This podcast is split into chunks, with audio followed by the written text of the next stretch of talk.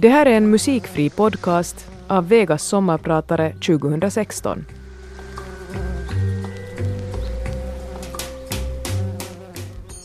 Jag är 13 år gammal.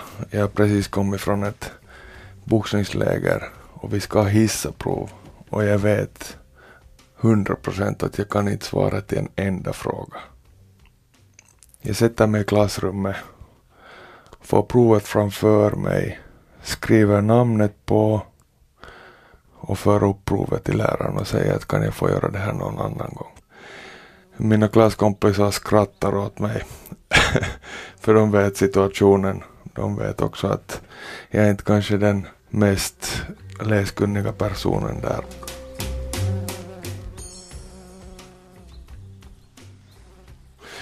När jag var tio år gammal så tog de in mig i ett rum och gjorde olika tester. Jag fick läsa för dem, jag fick skriva åt dem och räkna lite matematik.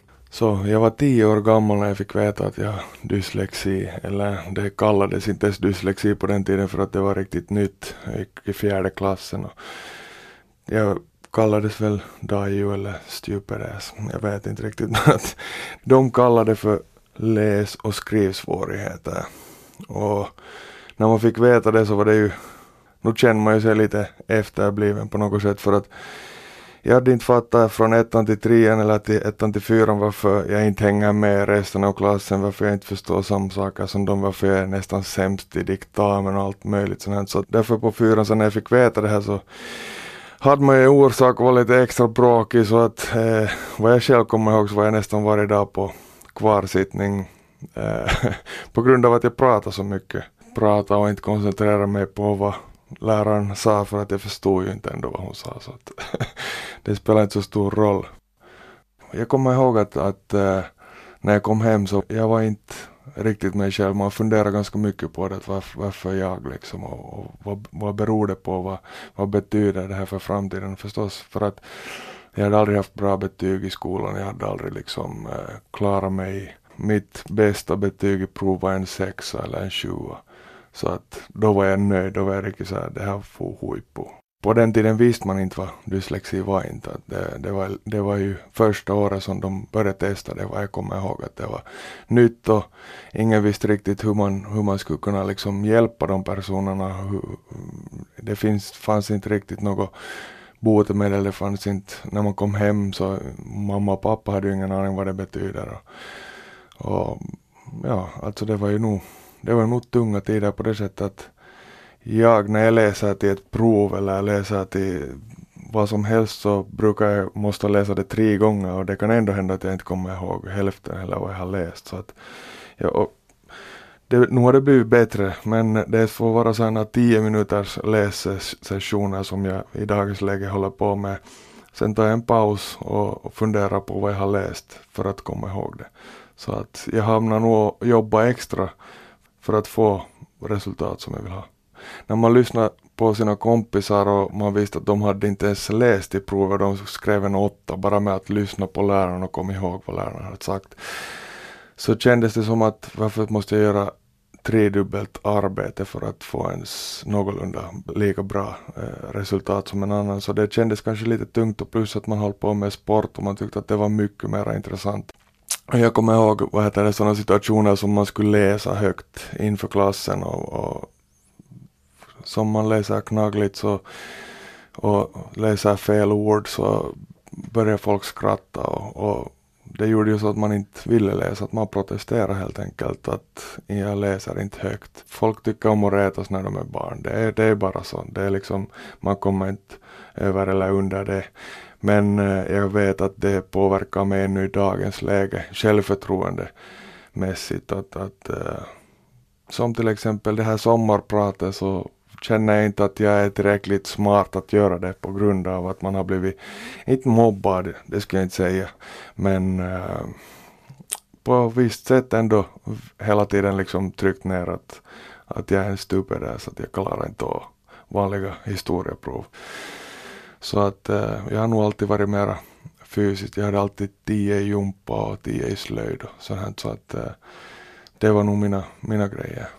Men eh, du som har dyslexi, läs och skrivsvårigheter, du känner säkert igen dig och eh, märker ändå att du är intresserad av grejer. För jag kommer själv ihåg att jag var otroligt intresserad av olika saker. Och jag kommer just att berätta mer om det.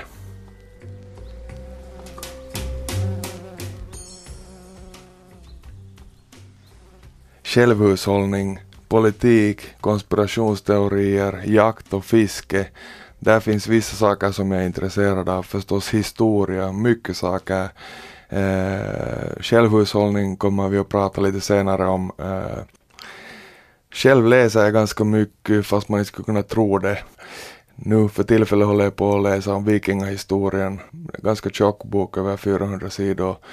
Jag lyssnar mycket på, på föreläsningar, olika filosofer som pratar och lektioner och, och grejer om, om livet och jag är mycket intresserad av det här själsliga livet också. Och jag tror att det har mycket att göra med att farsan blev frälst när jag själv var tio år gammal. Så jag gick mycket med honom i, i kyrkan och på olika eh, möten och grejer. Så att hela den här gudgrejen så, så är ju otroligt intressant.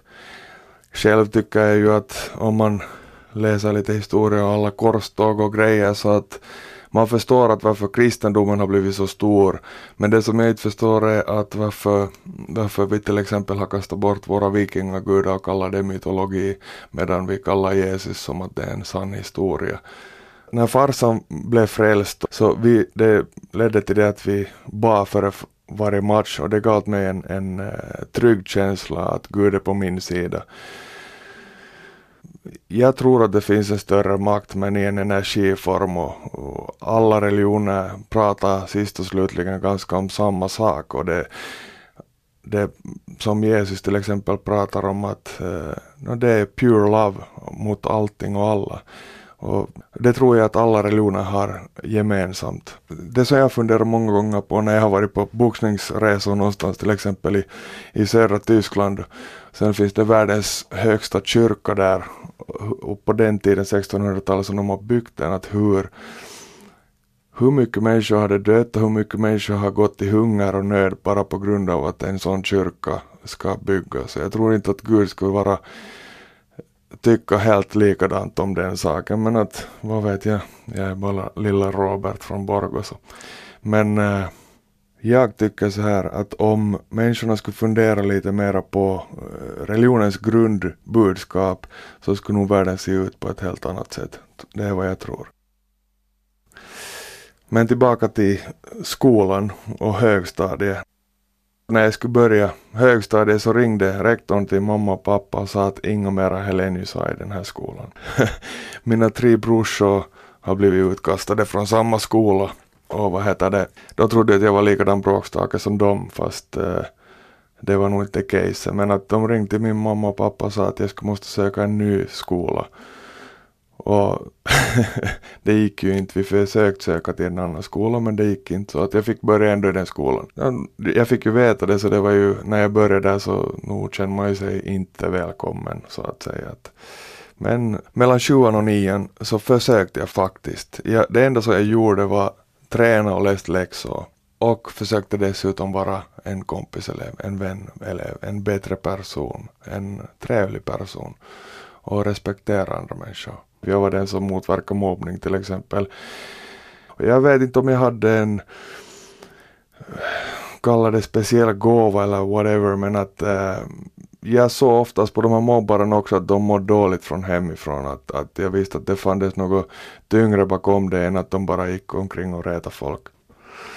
In, när jag började nian, sjuan till, sjuan till halva nian, när jag fick betyget vid jul, då hade det gått halva nian, så fick jag underkänt, jag skulle inte klara nian. Då blev jag ganska bitter så jag, jag for fram när vi hade avslutning, alltså julfest. Jag gick och tog betyget och visade åt läraren som hade gett åt mig fyra och frågade riktigt så här, vad fan är det här?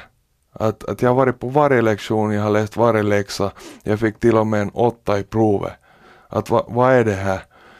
Så det enda, hon blev röd i face och rektorn stod bredvid och de, ingen sa något för att jag visste att jag hade rätt. Hon blev noll och röd i face och sa att jag, nu, du har pratat så mycket på lektionerna. Fine. om det, men det, det borde inte ha någonting med till exempel biologi att göra, att jag inte kan någonting från biologi. Det borde ju ha med mitt uppförande att göra. Att, varför har jag ändå en åtta i uppförande? Jag förstod inte, så att eh, jag blev ganska bitter. Sen började jag skolka ganska mycket efter, efter den terminen. Så att eh, det får ju nog, var det 6,2 i medeltal när jag kom ut nian. Så jag, får sen till tionde klass och eh, sen började jag byggskolan. Den orkade ett och ett halvt år och sen slutade jag få till armén istället. Två eller tre år efter jag gått ut högstadiet så ringer rektorn mig personligen och frågar om jag vill börja jobba där som skolgångsbiträde. Ganska ironiskt. Men eh, jag blev aldrig skolgångsbiträde utan jag blev proffsboxare istället.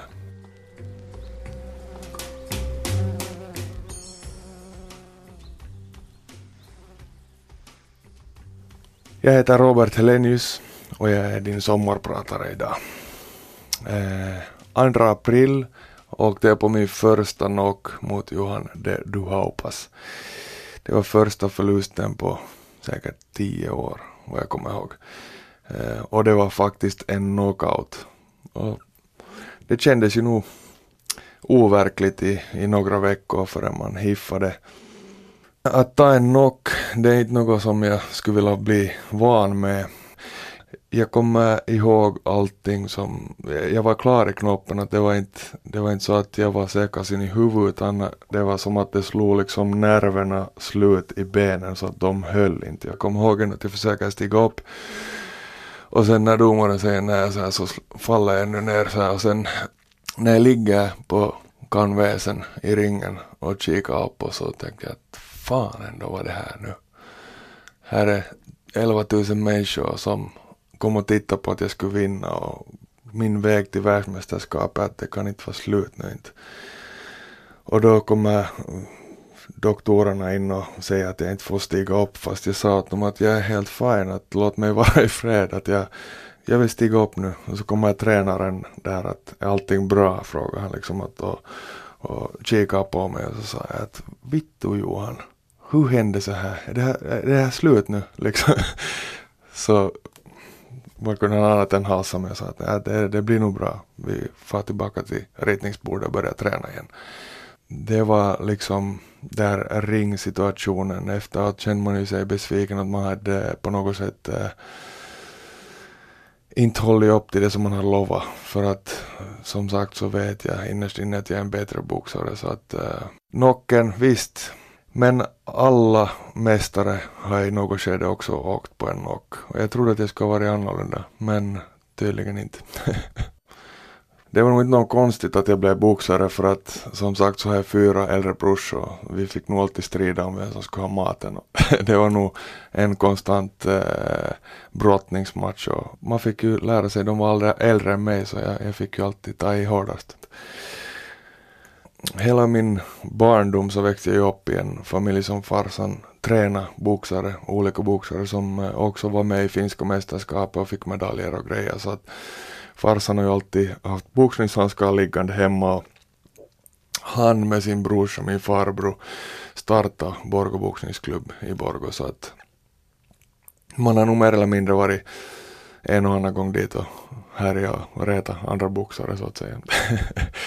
Men eh, som 11-åring mm, kommer jag ihåg att jag satt på soffan och kikade på en film och, och farsan, vad heter det, frågade att ska jag inte komma med nu och träna, att vad sitter du där och äter chips? Liksom att kom med nu din latmask. Så tänkte jag att okej okay då, no, jag, jag kommer med. Och efter den dagen när man var i boxningssalen och, och sparra och, och slog på säck och så här så var det en otroligt bra filis. Och det var från Eh, man kan inte jämföra det med liksom, ja, om du klarar dig riktigt bra i skolan kanske, jag vet inte eh, den filisen. Men att eh, det var en bra filis efter träningen och vi höll på att träna i tre veckor och så gick jag första matchen, jag var 11 år gammal.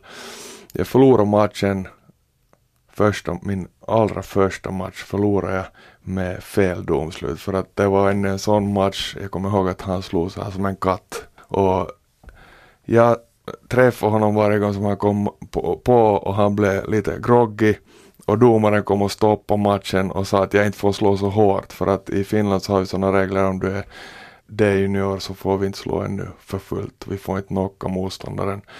Och jag ska kunna knocka honom när som helst men att sen visste jag inte hur, hur ska jag boxas om jag inte får slå honom då? Han kommer ju på springande att, att nu måste jag få stoppa honom.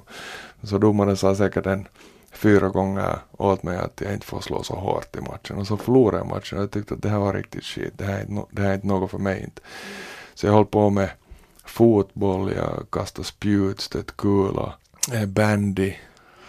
Jag höll på med alla möjliga sporter däremellan. Och sen som 14-åring så sparrade jag med vissa av de här finska mästarna och så här, det gick otroligt bra. Så sa farsan åt mig, du kan inte kasta bort en sån talang att du måste liksom fortsätta med boxning. Prova en match till ännu. Så jag, jag kommer ihåg, det var samma motståndare som jag hade men nu fick vi slå för fullt. Och jag hade honom groggy flera gånger så domaren räknade åt honom istället för att säga åt mig att jag får inte slå honom så hårt. Så att jag vann den matchen och den där adrenalinkänslan när domaren lyfte upp min hand som vinnare så det var ju eh, det går inte att beskriva i ord den där känslan när man får gåshud och, och folket klappar åt dig. Det var nog en, en, en extraordinary feeling. Vad är det som känns så otroligt bra med att slå en annan människa. Alltså jag har funderat många gånger på det, att vad är det som får mig, för jag är inte en aggressiv människa på något sätt. Jag är liksom, själv tycker jag inte åtminstone att jag är en aggressiv människa, men att när du går in i ringen så måste du ta djuret fram i dig. Du måste söka djupt för att eh, eh kunna gå in i ringen. Jag kommer ihåg att som amatör, hela amatörkarriären var jag ganska rädd att stiga upp i ringen, att, rädd att få stryk på något sätt.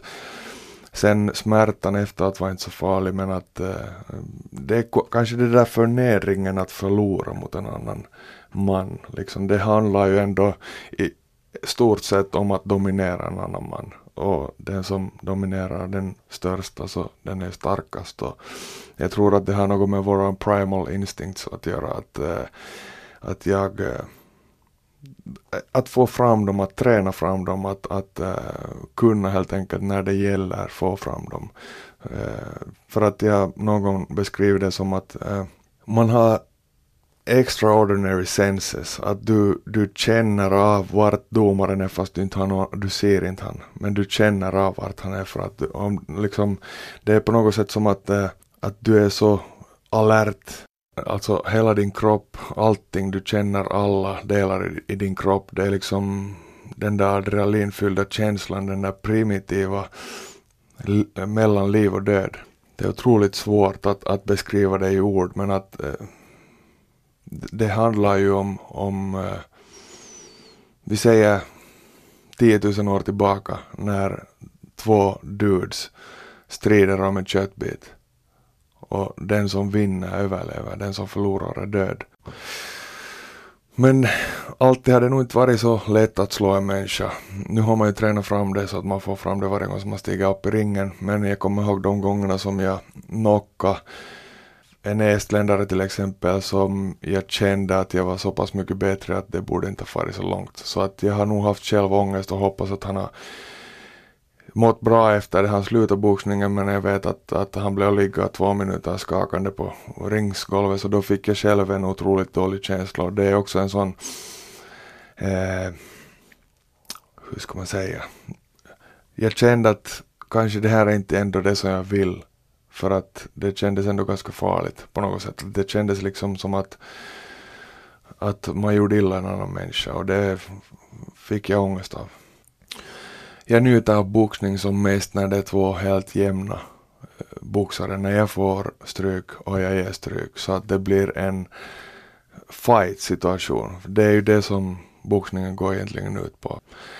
Kanske man är lite sjuk på något sätt på det sättet att man har tränat fram ett sånt primitivt känsla att man tycker om att eh, smärta, to, man tål smärta så mycket som du tränar det. Är liksom, om du blir slagen i face så visst tar det sjukt men i matchen så eh, det, det är liksom, det hör till på något sätt och om man är boxare så, så man kan inte vara rädd för smärta, det går inte. Jag kommer ihåg en match som i fjärde ronden så slog jag sönder handen och det var en sån situation som han, motståndaren sprang på mig hela tiden så jag hamnade och slog emot och Sen kände, jag kommer ihåg att jag tog ett, ett steg bakåt och han blev och kikade när jag träffade honom och min hand bröt så att han blev också lite groggy men att han får inte ner i golvet så att så tog jag med vänster hand och kände på höger hand och så hörde jag crunch, crunch. Och jag visste att handen var sönder och jag har ännu fyra ronder kvar att boxas. Då måste jag säga att den situationen var psykiskt, mentalt otroligt svår att övervinna men jag vann den matchen på poäng. Uh, så att det har ju också liksom mm, mental styrka som jag pratade om tidigare att det du man måste övervinna sig själv hela tiden. Det som folk glömmer bort tror jag att, eh, eh, att det är en kontrollerad situation. Där finns domare, vi båda tränar, båda vet hur den andra boxas. Så att eh, det, det, blir mycket missförstånd. Det, det, det, ska ju se ut som att det är okontrollerat situation, att det är en stridssituation för att det är ju det som är intresse, det är show, mening. Det, det är liksom eh, folk pratar illa om den andra före på pressen redan för att bygga upp en tension så att du, du, du liksom, folket tror att de ska strida på riktigt. Men efter matchen så är man oftast skaka hand och kan prata och vara helt normalt efteråt. Så det, jag tror att folk glömmer ganska mycket det. Men det finns en stor nackdel med det, att satsa helhjärtat på något som man vet att man är bra på. Livet som proffsboxare ser ganska långt ut så här. Mycket träningsläger, eh, mycket borta, eh, tränar hela tiden, eh, kan aldrig egentligen, jag, jag, jag, vet inte vad sommarlov är, aldrig haft. Ehm, man måste kolla hela tiden vad man äter, sova rätt. Mentala svårigheter förstås, man måste hela tiden tänka att jag är bäst. Det blir mycket egocentrisk livsstil när man håller på med boxning. Hälften av året går till att vara på träningsläger.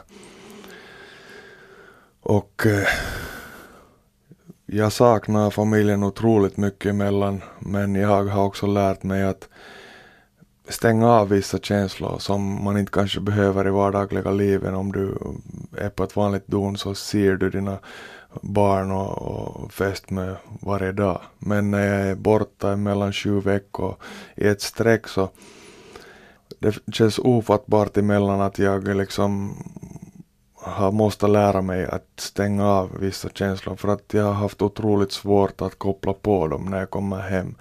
Att känna liksom min familj. För jag, jag, jag själv har känt att det, det är svårt att ta kontakt med barnen när, när, när man inte har dem. Det tar ungefär alltid en vecka efter jag kommer hem från ett träningsläger eller matchförberedning så tar det en vecka för mig att, att komma in i familjen. Att, att hjälpa till hemma med disken eller ta dammsugaren i handen eller något liknande. Så att, eh, eller om jag blir lämnad ensam med barnen just efter jag har kommit från ett träningsläger så det är en otrolig stresssituation för mig.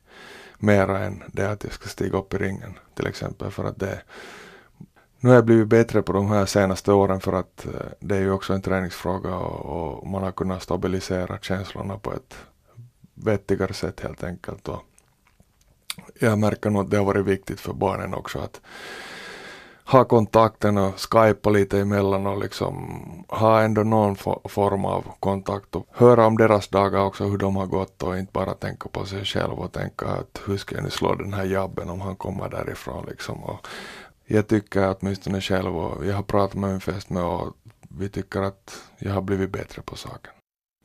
Mina barn, Vilde är tre år och Kingston han är sju år och eh, Chili är åtta år. Chili var bara tre veckor gammal när vi flyttade till Tyskland. Nytt land, nytt språk, eh, allting. Så att eh, det var nog tunga tider. Jag kommer inte ens ihåg första två åren av, av Kingstons liv på grund av att det var så stressigt och hektiskt. När jag är med barnen så lägger jag telefonen bort för att jag vill vara med barnen, fokusera på barnen. Jag kan inte ha en störmoment hela tiden för att jobb finns hur mycket jag skulle vilja göra i alla olika former. Så att när jag är med barnen så måste jag, jag, känner, eh, jag mår själv dåligt om jag inte ger den tiden åt barnen när de är små som de behöver. Jag tycker att det är också otroligt viktigt att vara psykiskt närvarande när barnen är, när du är med barnen. Den tid jag tillbringar med barnen allra helst är det att eh, jag är ute i skogen, plockar bär, plockar svamp. Jag brukar även ha med dem när jag är och fiskar, kastar spö, dra upp nät med deras morfar. Det är liksom för mig en otroligt viktig del i livet att kunna få mina värderingar att gå vidare till nästa generation.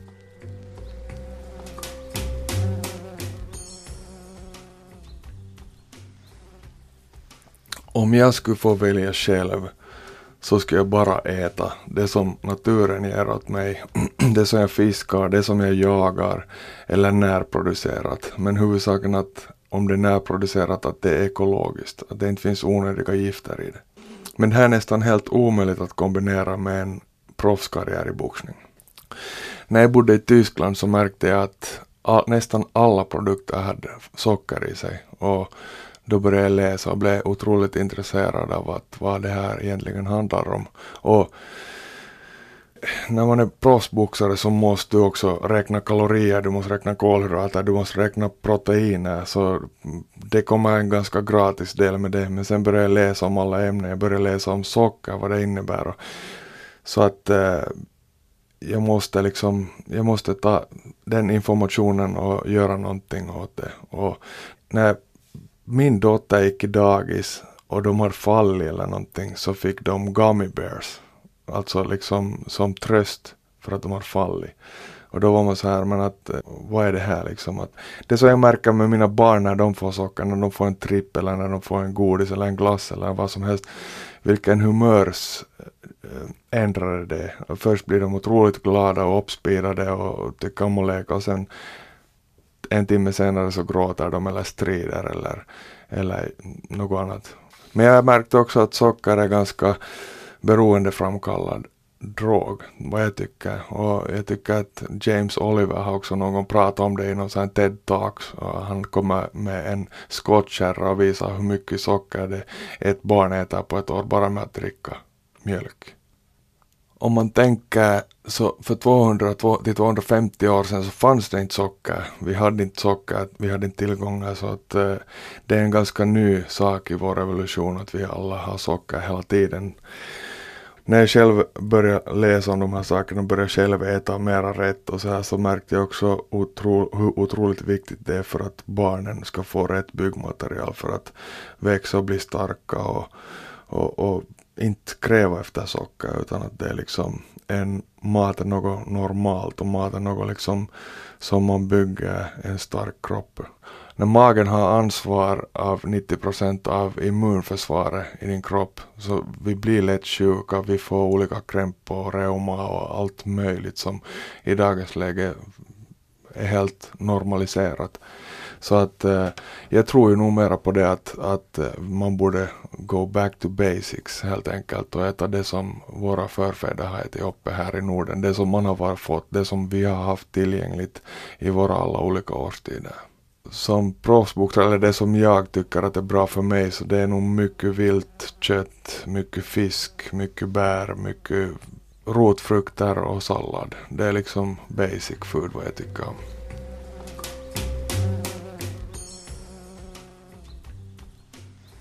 I en drömvärld så skulle jag vilja vara proffsboxare, jordbrukare och fiskare samtidigt. Men boxning är en livsstil. Jag har alltid hatat mediatillställningar, allting, tv-intervjuer. Jag kan inte ens titta på mig själv när jag ser på något, eller min familj vill se på mina tv-intervjuer så måste jag gå i ett annat rum. Jag kommer ihåg när farsan hade ordnat olika tillställningar som tidningar i Borgå fick komma och intervjua mig och grejer så var jag alltid nej, varför har du gjort så här, varför har du gjort så här? Jag vill inte, jag har ingen liksom, jag vill inte ens prata med dem att, att de får ringa om de vill prata med mig. Så det har, det har måste bli bättre förstås för att som sagt så är boxning det är en showbusiness. Jag, desto mer jag är synlig, desto mer biljetter säljer jag desto mera fan-t-shirts säljer jag. Så att eh, det är ju också en, en som går hand i hand. Något som man inte vill, för att du offrar ditt privatliv helt och hållet. Det, det finns ju inte något sånt som heter privatliv när du är proffsboxare eller en julkis så att säga. Så att det, så jag skulle allra helst vilja ha en, en mask på mig alltid när jag går upp i ringen så att ingen skulle veta vem jag är. Men det funkar inte mera. Efter senaste matchen så var det mycket onödiga skriverier och sånt men jag läser inte om mig själv. Jag får höra oftast av någon familjemedlem att, att så här skrev de, vad tycker de om det här och så här.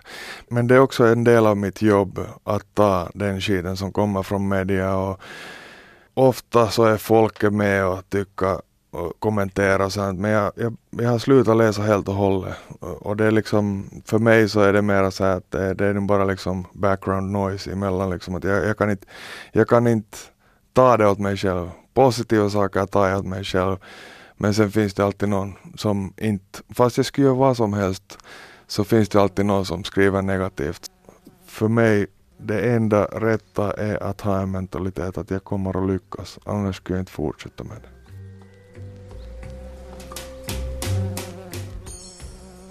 Jag har nu varit proffsboxare i tio år. Nu skulle jag säga att jag är ganska bra på väg. Träningen ser bra ut. Jag har bra tränare, Johan Lindström. Farsan hjälper lite med tekniken. Och jag blir ju kallad på sparringsläger med Klitschko eller med Tyson Fury så att min väg är nog bra. Eh, och mitt drömmål har varit sen jag började som proffsboxare och valde den här vägen är att bli proffsvärldsmästare. Efter det så måste man värdera vart man är på väg men nu så är det enda målet som gäller. Jag försöker att inte tänka så mycket på att hur livet skulle se ut utan boxning för att det betyder att då börjar du söka dig till en annan väg på något sätt. Att hur, vad ska du hitta på sen och göra?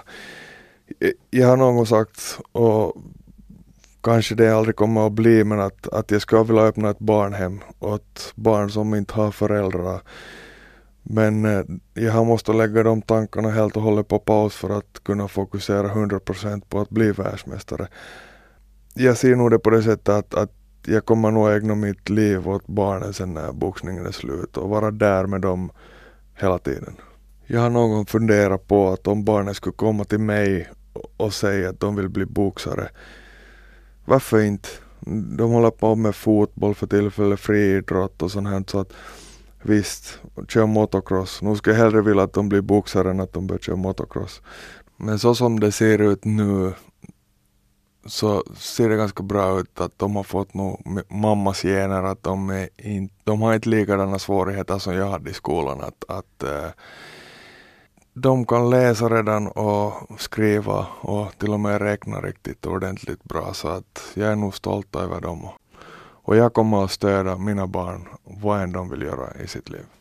Det som jag försöker leva efter är att, att på riktigt catch every moment. Alltså liksom, livet är ändå ganska kort. Det, det finns på riktigt bara den här sekunden, det finns inte imorgon. Man, vi vet inte vad det kommer att hända imorgon. Och det som har hänt finns inte egentligen heller för att du har varje sekund på dig att ändra dig som människa. Jag heter Robert Helenius och jag har varit din sommarpratare idag.